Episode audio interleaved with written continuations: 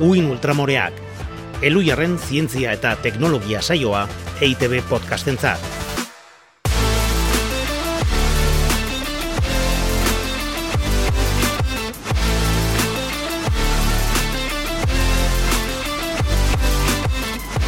Kaixo Ana Galarraga iestaran. Kaixo Alaitz Otxoa deribe agirre. Eta kaixo entzuten arezareten guztio eskerrik asko gurekin izateagatik Uin Ultramoreak podcastaren atal berri honetan. Ongi etorri. Bai, ze pozik gauden, ez da? Beti. Gu lanera... beti, badakizu. Bai, pozik etortzen gara. Bueno, beti ez, baina gaur bai. ja, ez gara gezurretan hasiko, ez? Ez, ez, ez. Bueno, uin ultramoreak e, zorroztuta ditugu, ez da? Zorroztu aldaitezke uinak, gureak bai. Bai. Zorrotz, zorrotz ekarri ditugu, eta, ea, zer gai aztertuko dugunana, lo egitea baino errazagoa izango te da, zenik oraindik e, aurreko ataleko gomendioak errepasatzen ari naiz, baino ez dut lortzen ondo lo egitea, ana. Ba beira, gaurko gaian bai, gaurko gaian aditua zara, zale, eta ari gehiago esango nizuke, izar nabarmena ere bazara. Ni neu, naiz bai. gaurko gaia da musika eta gainera bokaletik anaziko gara, musika bokala haotxa ah, musikatik. Horregatik diozu, ni naizelako eh, hemen podcast honetako kantaria, ez da? Nire alabaren lotxatarako, besteak beste. Baina gure gozamenerako, eta gozamenaz bai. ere arituko gara, zer iruditzen? Primeran, primeran e, iruditzen zait. Gainera, e, hitz egingo dugu anedonia izeneko zerbait ez, ezta? Badakizu zer den? Bai, anedonia musikala, bueno, erreportaje bat egin nuen horri buruz. Bai, tanik antxe ikasi nuen zertze. Eta orain galdetzeko e, muturra daukat. E, gainera gubiok ezagutzen dugu anedonia musikala duen pertsona bat, ez da? Bai, hemen dikan bezarkada beroat gaixoari musika jarriko baitugu, eta horren trukean ez dugu soinu misteriotxoa jarriko. Zer iruditzen? Mm, vale. E, bai, ondo iruditze zait, ondo iruditze zait. E, ez dugu bere izena esango, anedonia duen pertsona horrena, baina badakigu astero-astero entzuten gaituela, hor dagoela, eta besarkada erraldo istu-istu bat bialtzen diogu hemendik hortaz, albistetara pasako geha zuzenian? Albistea, John! Albisteak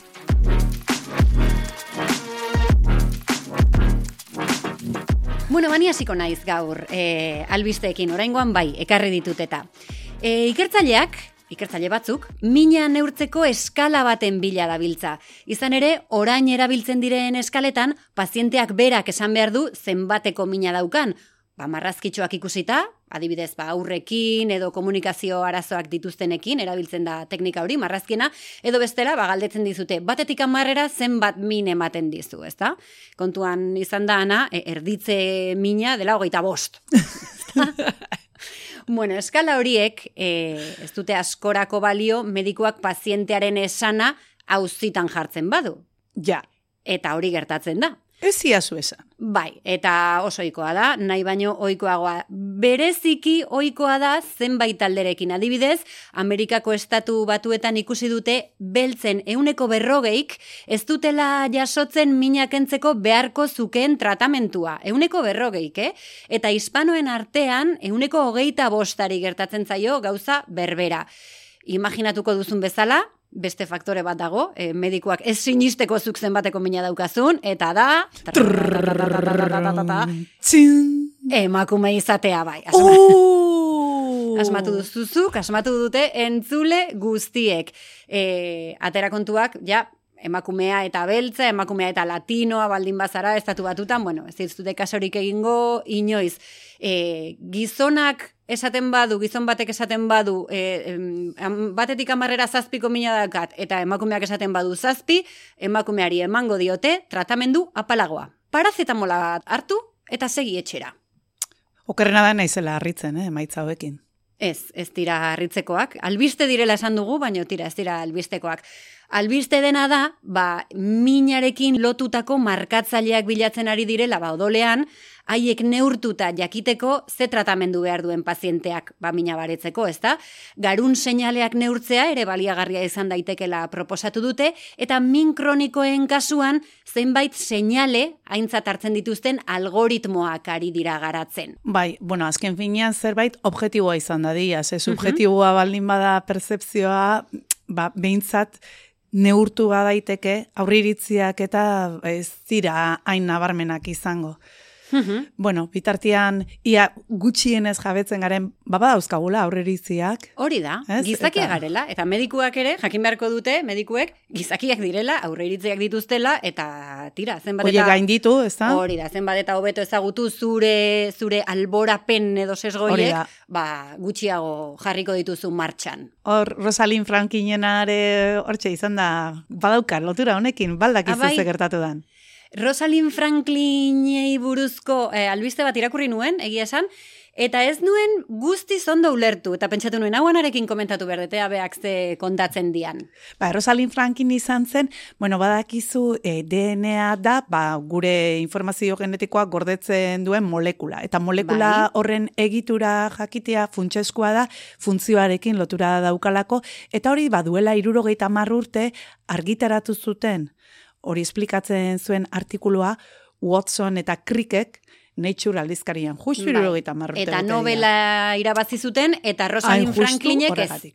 Eh, Rosalind Eta beti esan dugu lapurtu egin ziotela. Ba, hori da, beste bat ere saritu zuten, Wilkins, Aha. ze ura ere ibili izan, e, laborategiko lana egiten denearen egitura argitzeko, eta ura ere aitortu zuten Nobel sarien bidez. Baina Rosalind Franklin ez, kontua da ordurako hilda zegoela. Orduan, Mhm. ezinezkoa zen ari Nobela ematia, ben hilda daudenei etzaielako ematen.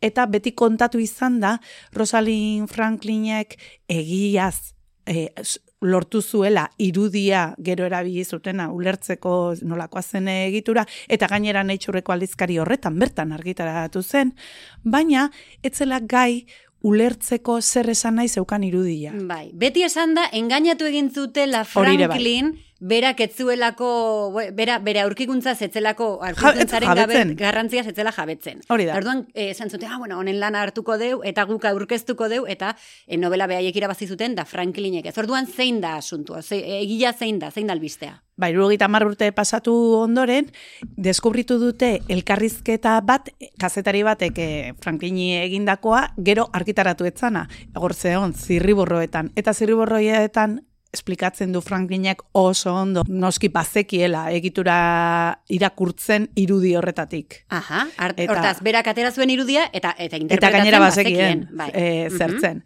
Eta ez hori bakarrik, gero gutun truke bat ere izan zen, hor laborategietako ba, Watson Crick eta Wilkinson eta hau edanan artean gutun trukia ere bazion eta gutun hoietako batean Frankinek ere garbi uzten du bazekiela. Orduan, azkenean e, ondorioztatu dute ikerketa hau egin dutenek, Rosalind Frankinek egin zuen ekarpena egitura argitzean, ba, Watsonen eta Crickenen parekoa izan zela. ba, Mhm. nolabait, Wilki, Wilkins eta Franklin izan ziren e, laborategiko lan esperimentala egin zutenak, eta Watson eta Crick aldiz lan teorikoa Ja. egin zutenak. Eta elkarren artean leia bazegoen, ba, orain Ja. egoten den bezala, batez ere finanziazioa eta lortzeko ba, emaitza arrakastatxuak erakutsi behar direlako, baina lankidetza ere bazegoen, batak bestearen beharra zeukalako, Mhm. ba, argitzeko azkenean nahi zutena jakin. Bai. Nolakoa den Orduan, dena. kontua etzen izan oso polita, baino ez da ere ez da izan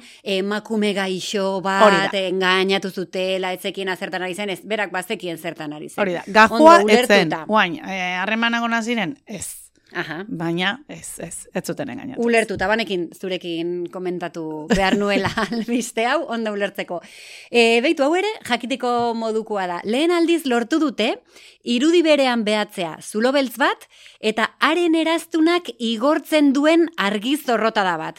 Gogoratzen zarete zulo beltz baten lehen irudia lortu zenean, bueno, zu badakit baiet, ze zulo beltzen friki bat zara. Bitu Eh, gauza bat gaina. Hor, eh, sinatzen zuten jende pila batek, eh, ez artikulu horretan, eta burua neska bat zen. Emaku- ikerketaren emakume gazte burua. bat. Mhm. Ba, eh, bai, Bueno. akordatuko naiz ba? Oso. Bai, Detai Oso, bejondeiola, senyora Hori, hori, hori, hori, ere. E, zulo beltz baten irudia deitu diogu, baino ez da zulo beltz baten irudia, izan ere zulo beltzak den dena xurgatzen du, argia xurgatzen du, erda zulo beltzak ez dira ikusten, ez da? Baina inguruan dagoen materia eta energia eraztun hori, bai, eta hori da irudi hartan jasozena. Tonusura. Mhm, donutxura, hori da. Orain, munduko teleskopio pila baten datuak kombinatuta, inguruko eraztunetik ateratzen den zorrotada bat ere detektatu dute. Eta horri esker, zulo beltzak ulertzeko informazio gehiago lortu dute, eta beste behin ere, baiestatu dute, Einsteinek arrazoia zuela. Guaine bai, eta guain gontan, zer gertatzen da izteinek, iz autoestima arazo daukak izan horre, beti arrazoia eman behar zaiola. Beak, igual, bat ere ze beak orain, bueno, beste Bueno, bai, arazo larriagoak ditu orain. Baina, egia da, zulo beltzez hitz egiten dugunean, edo e, tankera honetako albiste bat ematen denean, beti bukatu behar da esaten, eta Einsteinek arrazoia zuen. Orduan, igual, arrazo, e, autoestima arazoak ditu guzte ditugu, e, horrela, albisteak horrela bukatzen ditugunok, ez da? Ba ez dakit, bai, bai, izan leike, nien eiz hori eztabaidatzen hasiko, eta gainea badauzka Einsteine bestelako kontu eztabaidagarri batzuk, bizitza pertsonalean batez ere, Bai. eta egila da badaula jendia esaten duna, ba, obra eta per, eta egilea, Egilea. ez direla nahaztu behar. Baina eta, zer ekartzen digute, egilea. Eben, bai, autoritate printzipioa deitzen zaio bai, horri, ez da? bai, hori da. Ba, bueno, zientzian, eh, komeni da, bai, eh, biak kontuan izatea, Mhm. ba, batez ere, ba, bueno, objetibotasun horretan, zerikusia baldaukaba egileak. Eta holako kasu itxusiak eta izaten direnez, ba, komeni da hauek argitara ateratzea, eta balio dezatela, ba, bueno, autokritika egiteko, adibidez, orain gertatu Albiste dena. bat daukazu Bai, horren badaukat, inguruan. badaukat, Ea, ba. badaukat.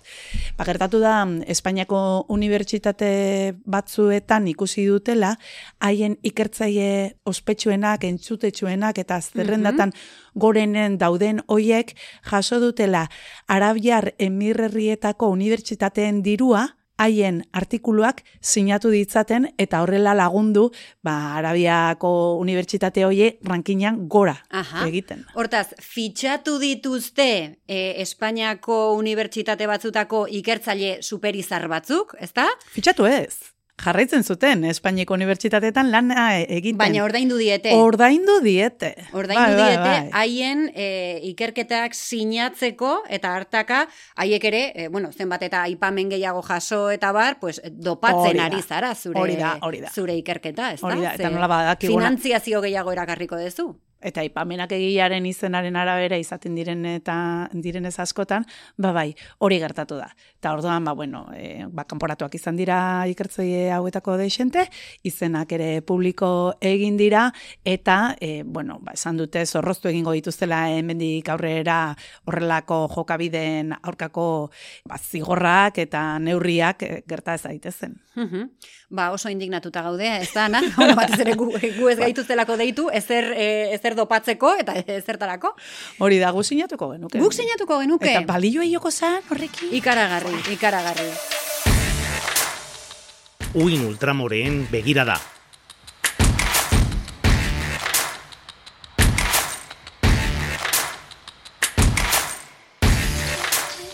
Uin ultramoreen begira da. Ze, ze sakon esaten duen jonek, ez da? Bai. Oso ondo, oso ondo. Ba, begira da horrekin aztertuko dugu, gaurko gaia, esan dugu dela, Musika? musika, musika alai pixka bat jarriko dugu, egoitz, egoitz da hemen Baina xoa be, sartzen hola, ez dela oso errex etortzen Bai, gogora. bai, bai. Ea, A ber, egoitze jartzen ez poliki.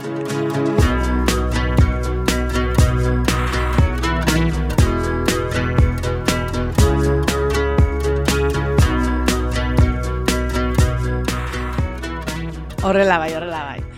Aizu alaitz. Gu adoz gaude doinu hau ba, alaia dela, ezta? Baina kultura guztietan berdin ulertuko aldute, denei iruditko altzaie alaia, ze musika sortzen dituen emozioak unibertsalak diren ala ez, hori, hori izan da Bai. gaietako bat, ez da? Bueno, asko gustatzen zaigu esatea musika hizkuntza bat dela eta hizkuntza unibertsal bat denok ulertzen duguna, baino egia da denok berdin ulertzen dugun ala ez, igual izango dela gehien ikertu den gauzetako bat, ezta?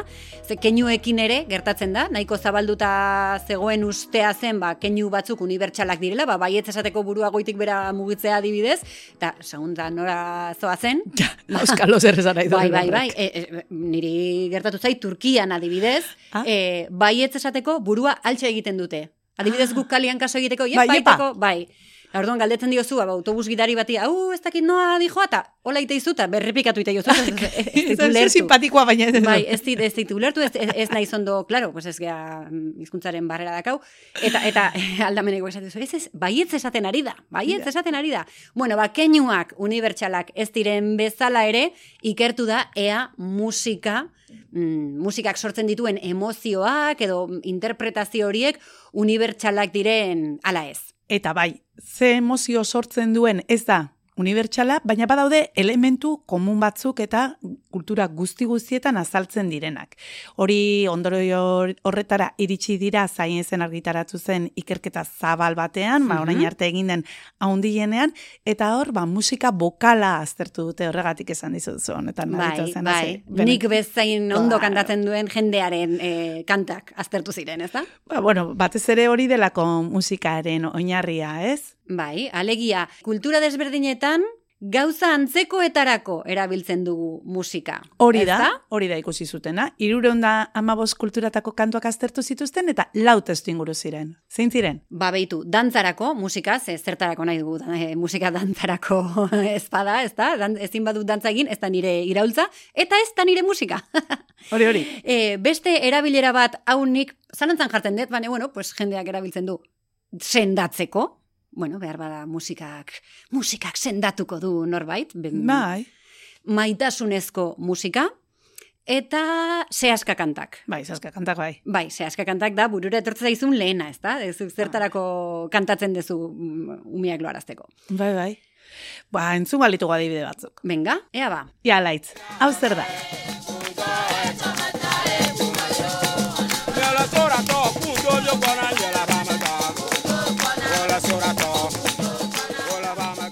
Bueno, hau dantzarako izango da, ez da, Ana? Ba, noski, bos pustarri. Ganako doinu tradizional bat entzuten ari gara, mila beratzen eta irurogeita amazazpian grabatua, eta esan behar dizutana dela, naiz asmatu desun, ez daukazula merito berezia, ze hau eman zaie olako ikerketa honetan irureun mila pertsonak eman zuten iritzia beste kulturetakoak, ba, katalogatu behar zituzten lau Mhm. hoietan, eta dantzakoekin zen gehien asmatzen zituztenak. Hortaz, Orduan, bueno, baz- gizakiok entzuten dugunean musika bat naiz eta gure kulturako ez izan, ze bueno, guk entzuten baldin badugu aian selman, selman, selma, badakigu dantzarako dela. Ez da? E, baina gure kulturakoak ez diren e, musika entzuten dugunean, dantzarako direla erraz bere izten dugu. Hori da, esan nahi duguna, ez da? Oixe, oixe, oixe.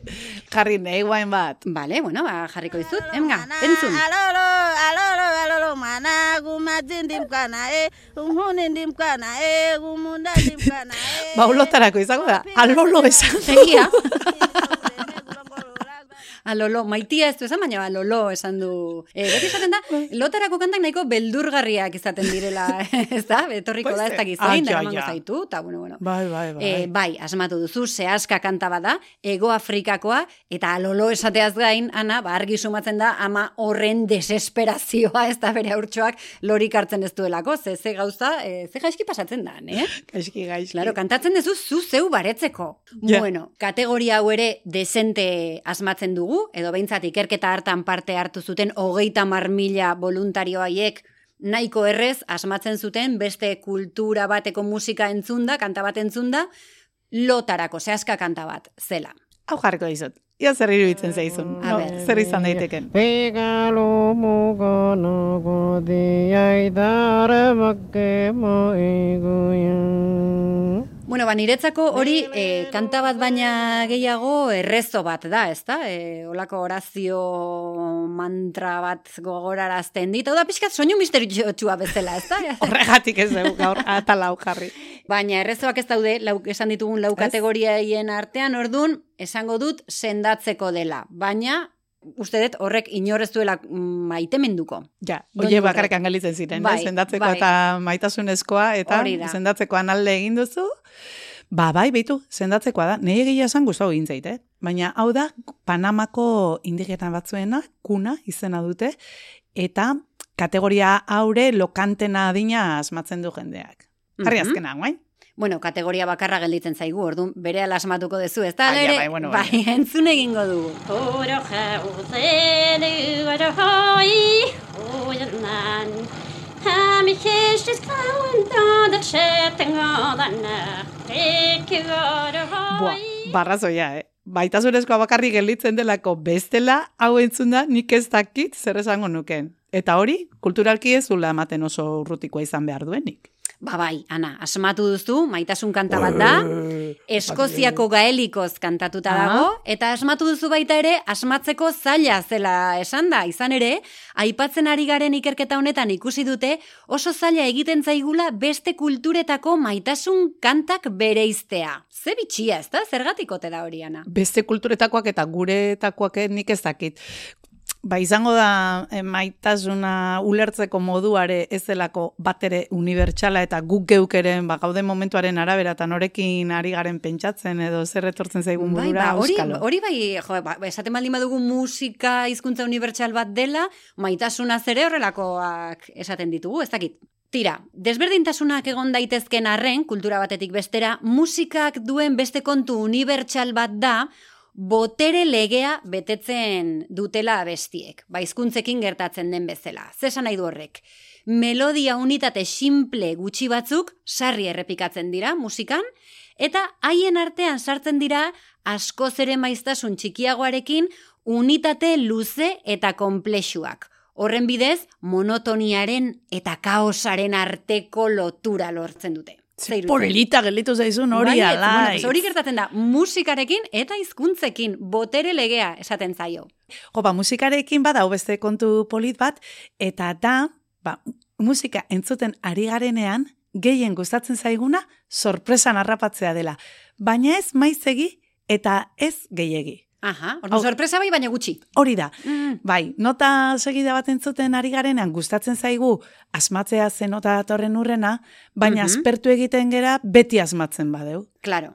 Ze, ja, Eta- badirudi ezagutzen dugula kanta eta da. errepikakorra egiten da. Eta ezta? beti sorpresa hartzen bali madeu berriz, eta ez badegu sekula asmatzen ere, ez zaigu gustatzen ze ez dugu harrapatzen dundik noa doan. Mhm. Hortaz, gustatzen zaiguna, ba, musikarekin eta baita ere hemen ateratzen ditugun ikerketa eta informazio zientifiko hauekin ere, izaten da asmatzea.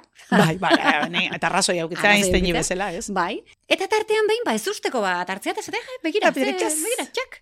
Noski, horretan bakoitzaren hezkuntza edo itura musikalak, ba, sekulako eragina izango du, ezta? Improvisazioak entzuten ohituta baldin bazaude, askoz ere errazago onartuko duzu, ba, melodia austea, edo erritmo austea, edo... Bueno, eta hemen ari melodia austeaz eta ez austeaz, baina aiginan baitare, ez algenuen esplikatu behar zer den anedonia musikala. Anedonia musikalia. Gure lagunak daukan hori. Bai, gure lagun maiteak. E, Maitea, maitea. Orain arte aritu gara musika zertarako erabiltzen den eta ze emozio sortzen dituen esaten, eta kultura batzuetan eta besteetan berdin entzuten ote den, baino ez dugu zalantzan jarri beti sortzen duela eraginen bat gugan. Eta horixe da justu gertatzen zaiena anedonia musikala duten ez diela ezer esaten musikak, ez die inolako emoziorik sorrarazten. Mhm. Beitu, izenaren hitzaren jatorria ere ezagutzen dugu hedonista hitzetik hitzaren berdina delako, ezta? Gozatzen duenari hedonista deitzen zaio Ni. eta an zu, adibidez, bai? Eta anedonia duenak, ba ez du gozatzen. Adibidez, e, depresioa duten batzuei gertatzen zaie, ezta? Ez du plazerik, ez interesik sentitzen, ba gainerakok ba, plazerarekin lotzen ditugun gauzekiko, ba janaria, sexua, dena delakoa, ezta? Hori da, bueno, dana dala komeni da bereiztia, eh? Gauza bada depresioa duten eh, baskotan izaten dutela anedonia, baina orokorrian Bai. estimulu guztiekiko daukate Mhm. anedonia, baina anedonia musikala da justu bakarrik musikarekin. Mhm. Eta hori adibidez, ba, esperimentu batean ikusi zuten, ba, konparatu zuten musika entzutean, ba, voluntario horiek ze erantzun fisiologiko zeukaten, eta dirua irabaztean sortzen zitzaiena. Eta ikusi zuten, dirua irabaztian pultsua askartu egiten zitzaiela eta larrua zaleko eroankortasun elektrikoa ere aldatu egiten zela. Bla, bueno, ba, moduka bezala, ez da? Pues, eh, eta musika entzutean, ba, ez errez. Eta musika entzutean ba ez ez, ez? A ber, a ber, ne, nik musikaz Ja, asko desberdina. dut ana, baino jartze baldin badiaztu. E, mm, lan honengatik musikan ordainduko dizut, edo e, soldata bat, bueno, nei ordaindu soldata, eta nik erabakiko ez zeiten dudan nire diruakin, kontzertu bat ordaindu, Spotify Premium, edo dena delakoa, ez da? Bai, bai, bai, bai, bai, arrazoia, ez dut esplikatu aldez aurretik etzela diru asko zen, ba, e, musikarekin gozatzen duen jendeak, ba, diru pixkat ematen zaionian, ba, plazera adierazten duten parametro horietan parekatuta daudenean, ba, haiekin konparatu zuten, orduan, bueno, bai. Vale, vale, bueno, hortaz, garuneko sari sistemarekin egongo da relazionatuta kontua, ez da? Ba, placebo efektua bezala, edo, edo, edo droga, eh, droga bezala, ez da? Sa, garunaren sari sisteman eh, sintetizatzen dira. Bueno, sintetizatzen esan dut, baina asmatu egin dut. Gertatzen dira konexio horiek, ez da? Bai, ba, bai, hor gertatzen da, e, sari sistema da, engantzatzen gaituzten gauzek, hor, e, mekanismo horren bitartez, Mhm. e, bilatzen dute berriro ere estimulu hori, ba, beti aktibatuta egon dadin sari sistema. Eta musika gustatzen zaigun hoi, ba, musika entzutean, entzumenearekin lotutako garuneko guneak pizteaz edo aktibatzeaz gain, aktibatzen zaigu sari sistema. Taldiz, anedonia musikala dutenei bakarrik entzumenaren garun taldeak edo guneak aktibatzen, Aktibatzen zaizkie. zaizkie, bai, eta hor itxuraz ba, gertatzen da, sari sistemaren eta entzumenaren arteko konexioa dira etenda daudenak. Sari sistema aktibatzen zaie beste, Beste kontu gauza batzuekin. batzuekin, janariarekin, adibidez, edo, bueno, dena delako Bai, bai, arekin. bai, bai. Hala ere, kontuan izan da musikak sozializatzeko daukan funtzioa, ez da? Beti esaten da, giza harremanak sendotzeko eta komunitateko kide sentitzeko balio duela musikak, ba, nedonia musikala dutenek izan ditzakete zailtasunak, ez da? E, hor- horretarako. Jo, ba, bai, justu e- egin nuen, ba, erreportaje hori, Bai, ba, hor ikerketa bat ateratzen zen, e, egin zuten bigarren hezkuntza mailako ikasleekin, eta hoxe ikusi zuten. Orduan, haiei deitzen zieten anedonia soziala, hau da, ez daukatela gogorik, e, eta etzaiela gustatzen, lagunekin elkartzea, jendearekin elkartzean. Hobeto daudela bakarrik. Ba, hori era horretara bizidan jendeak anedonia musikala izateko joera dauka. Orduan badago erlazio bat bien artean bai. Mhm. Ba, oso interesgarria, Ana, gaurko atala ere. Eta kontuan izatekoa, ze beti pentsatzen dugu guri gustatzen zaiguna bestei ere gustatu behar zaiela, ez da? Baina garbi dago hemen bakoitza mundu bat dela. Bai, ni eta itortori nire gertatzen egin. Abitu ze problema, zori ere gustatuko. Ba, ba, ba ez, ez da, hori da honen evidentzia bat. Eta evidentzia aipatuta, Guazen, urrengo atalera. Egia, gezurra, ala ez dago nahikoa evidentzia.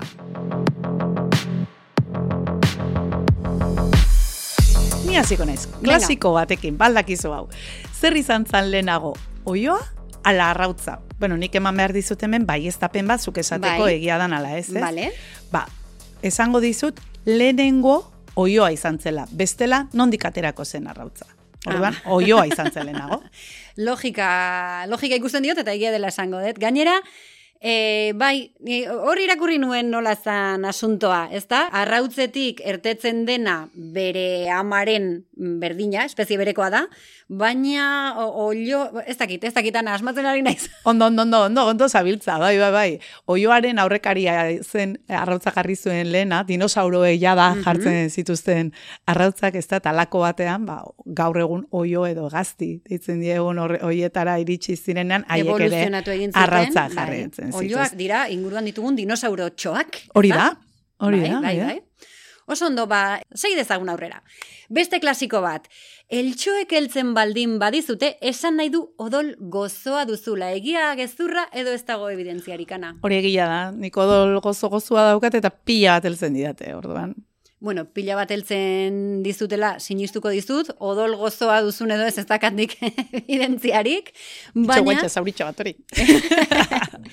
jakintzazu ez daukala zerrikusirik odolean duzun azukre mailarekin, Ah, ez? Gozotasunarekin ez. Ez, ez, ez. E, intsektuek ez dute zure odolean azukrea bilatzen proteinak baizik. Orduan, Ah, proteinika nao. Bai, proteinika zaude. Eta esan behar dugu ez dagoela benetan evidentziarik jakiteko zergatik heltzen diguten batzuei bestei baino gehiago. Hala ere, eltxoek ez heltzeko badakizu zein dan metodorik onena. Bota. Asko heltzen dioten baten ondoan lo egitea. Ah, Eta bai. ber, beraren gana joango dira. Hori hori egia. Bai, repelente bikainena. Uste nuen emertzen dula urraspira sartu, bai, hitu ingo nahi. Ba, odola xurgatzea ari garela zu dakizu izainak, oiek, e, sangijuela edo Bai. erabiltzen zirela garai batean sendatzeko odola xurgatzen dutelako, eta orduan odol txarrarekin batera, ba, gaitza ateratzen Bueno, dizu. sendatzeko ezana. Sendatu nahian. Sendatu nahi, bai, bai, garai batean. Lehenago hiltzen ziren. Hori da. Hori gabe uzten zutenako jendea. Beste zer egin ez ekiten, eta Bai, horrek, ba, bueno, bai. bintzat, Sendatzeko intentzioarekin Bai, erabiltzen inten- ziren intentzioa hori zen. Bai. Mhm. Ba, hau, sinestuko didazu, edo ez, edo esango didazu egia dan, ez, neri ez sinestu ezer, eh? A ber. Baina, esango dizut, beren gorputzaren alako bost aldiz hartzen zutela odola beren pixua baino bost aldiz gehiago. Alegia, zuk imaginatu izaina bate pixatze ditula irurogei kilo, ez? Ba, Bai, pertsona baten hiruro- neurriko dala. Iruren kilo pixatzeraino odol xurgatuko luke. Bueno, esango dut egia dela, ze zu bibilizea informazio honen bila, ez zenuen informazio oker bat ekarriko. Ba, gu, bai, egia da, enaiz bila ibili, baina topatu egin dut, Ah, eta bai. gero baiestatu egin dut, ez da, aurrela ote da. Baina esperimentalki bai datu duzu, zibilizea izainekin. Ez, Ah. ez, iturri fidagarrietan Ah, begiratu vale, dut, vale. eta... Double check. Bai, egia da, bueno, atentzioa eman zian, eh? Zo- Bai, egite esan bere ikaragarria da, garaian eh? bat baino gehiago jartzen zituzten hor, eta enbeste. Bai, bai, bai. xurgatuta. Bueno, bueno. Pentsa nik nire pixua alako bost jan banezake, bueno, odola ez nuke aukeratuko, menu bezala. Odolkiak. Odolkia bai beitu. Bueno, nik azkenengo afirmazio bat ekarriko dut, badakit hau gure entzulegoaren zati bati etzaiola bate gustatuko, ez dirala nirekin ados egongo, baina lagunok Zintzia horrelakoa da, ez du bilatzen Bai, ados bai. egotea ala, ez, ez? Ez. Da eta punto. Hor- Hori, hori da. Ez zara oztu, amiga, virus bat da. Ai, zesango izut, hori bada egila. Hori egia da. Bai, bai. Bai, eta bai. evidentziak daude. Eta evidentziak daude. Batetik, pandemia zikin honek zerbait erakutsi baldin badigu, ba, da, eskua garbitu, ondo ventila, ez dakize, bakize inorrek ez dizu esan, jantzizazu rebekita bat. ez da? Orduan jendeak orain, batez ere urte sasoi honetan esaten dizula, ai, eguraldia, ez oroa dagoen, horrela rapatzen dira katarroak eta zu jartezu hola aurpegi, bai, Bai, bai, bai, horrela horrela rapatzen dira. Ba, ez, ez, ez da egia, ez dituzu horrela rapatzen katarroak. Are gehiago esango dizut, Antartikan egongo bazina, zu bakar bakarrik, minus hogeita margradura. Ba, hipotermia bat, bai, harrapatuko zenuke. Bai. Baina gripe batez, senyorek ez lizuke kuntxatuko zu bakarrik baldin bazaude. Oz, hortaz, ez zara oztu, virus bat da. Bueno, alaitz, oso, oso garbi azaldu duzu, hemen ez dago zalantzarik, eta Antartikarena asko gustatu zait. Bai, bueno, Bai. jutezean urrunguan, e, abrigatu, baina ez e, virusangatikan.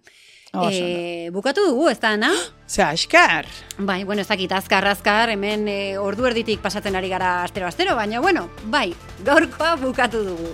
Uin Ultramoreak podcasta, elujarrek egiten du EITB podcastentzat, eta beraz, gogoratu atal guztiak EITB podcast atarian dituzuela, zientzia.eus webunean ere bai, Han informazio gehigarria jartzen dugu, eta kasu honetan jarriko dugu baita ere, lehen aipatu dugun ikerketa hori, ba, musikak entzunaz, Bai. ai, jolastu nahi baduzu ezuek ere, ez da? Jakitera ze kategoriatakoa den, eta barba, hortxe dago informazioa. hori da, hori da. E, eskerrak ematea tokatzen zaigu, eh? Esk, bai, bai, bai, bai, bai. Eskerrik asko bereziki anedonia musikala duten lagun hoiei, gaur pixka torturatu ditugu agian, bat ere interesatzen ez zitzaizkien zatiak tokatu zaizkien zutea, baina tira. Egoitzetxe bestea duriz, gure teknikari majoari hori astero torturatzen baitugu. Hori da. Eta zuei guztioi hori izateagatik, urrungo atalera arte, Urren arte, aio!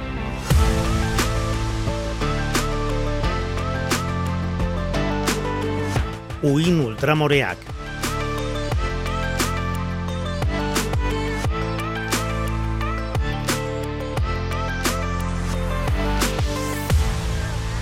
alolo alolo alolo mana gumatindim kana e umhunindim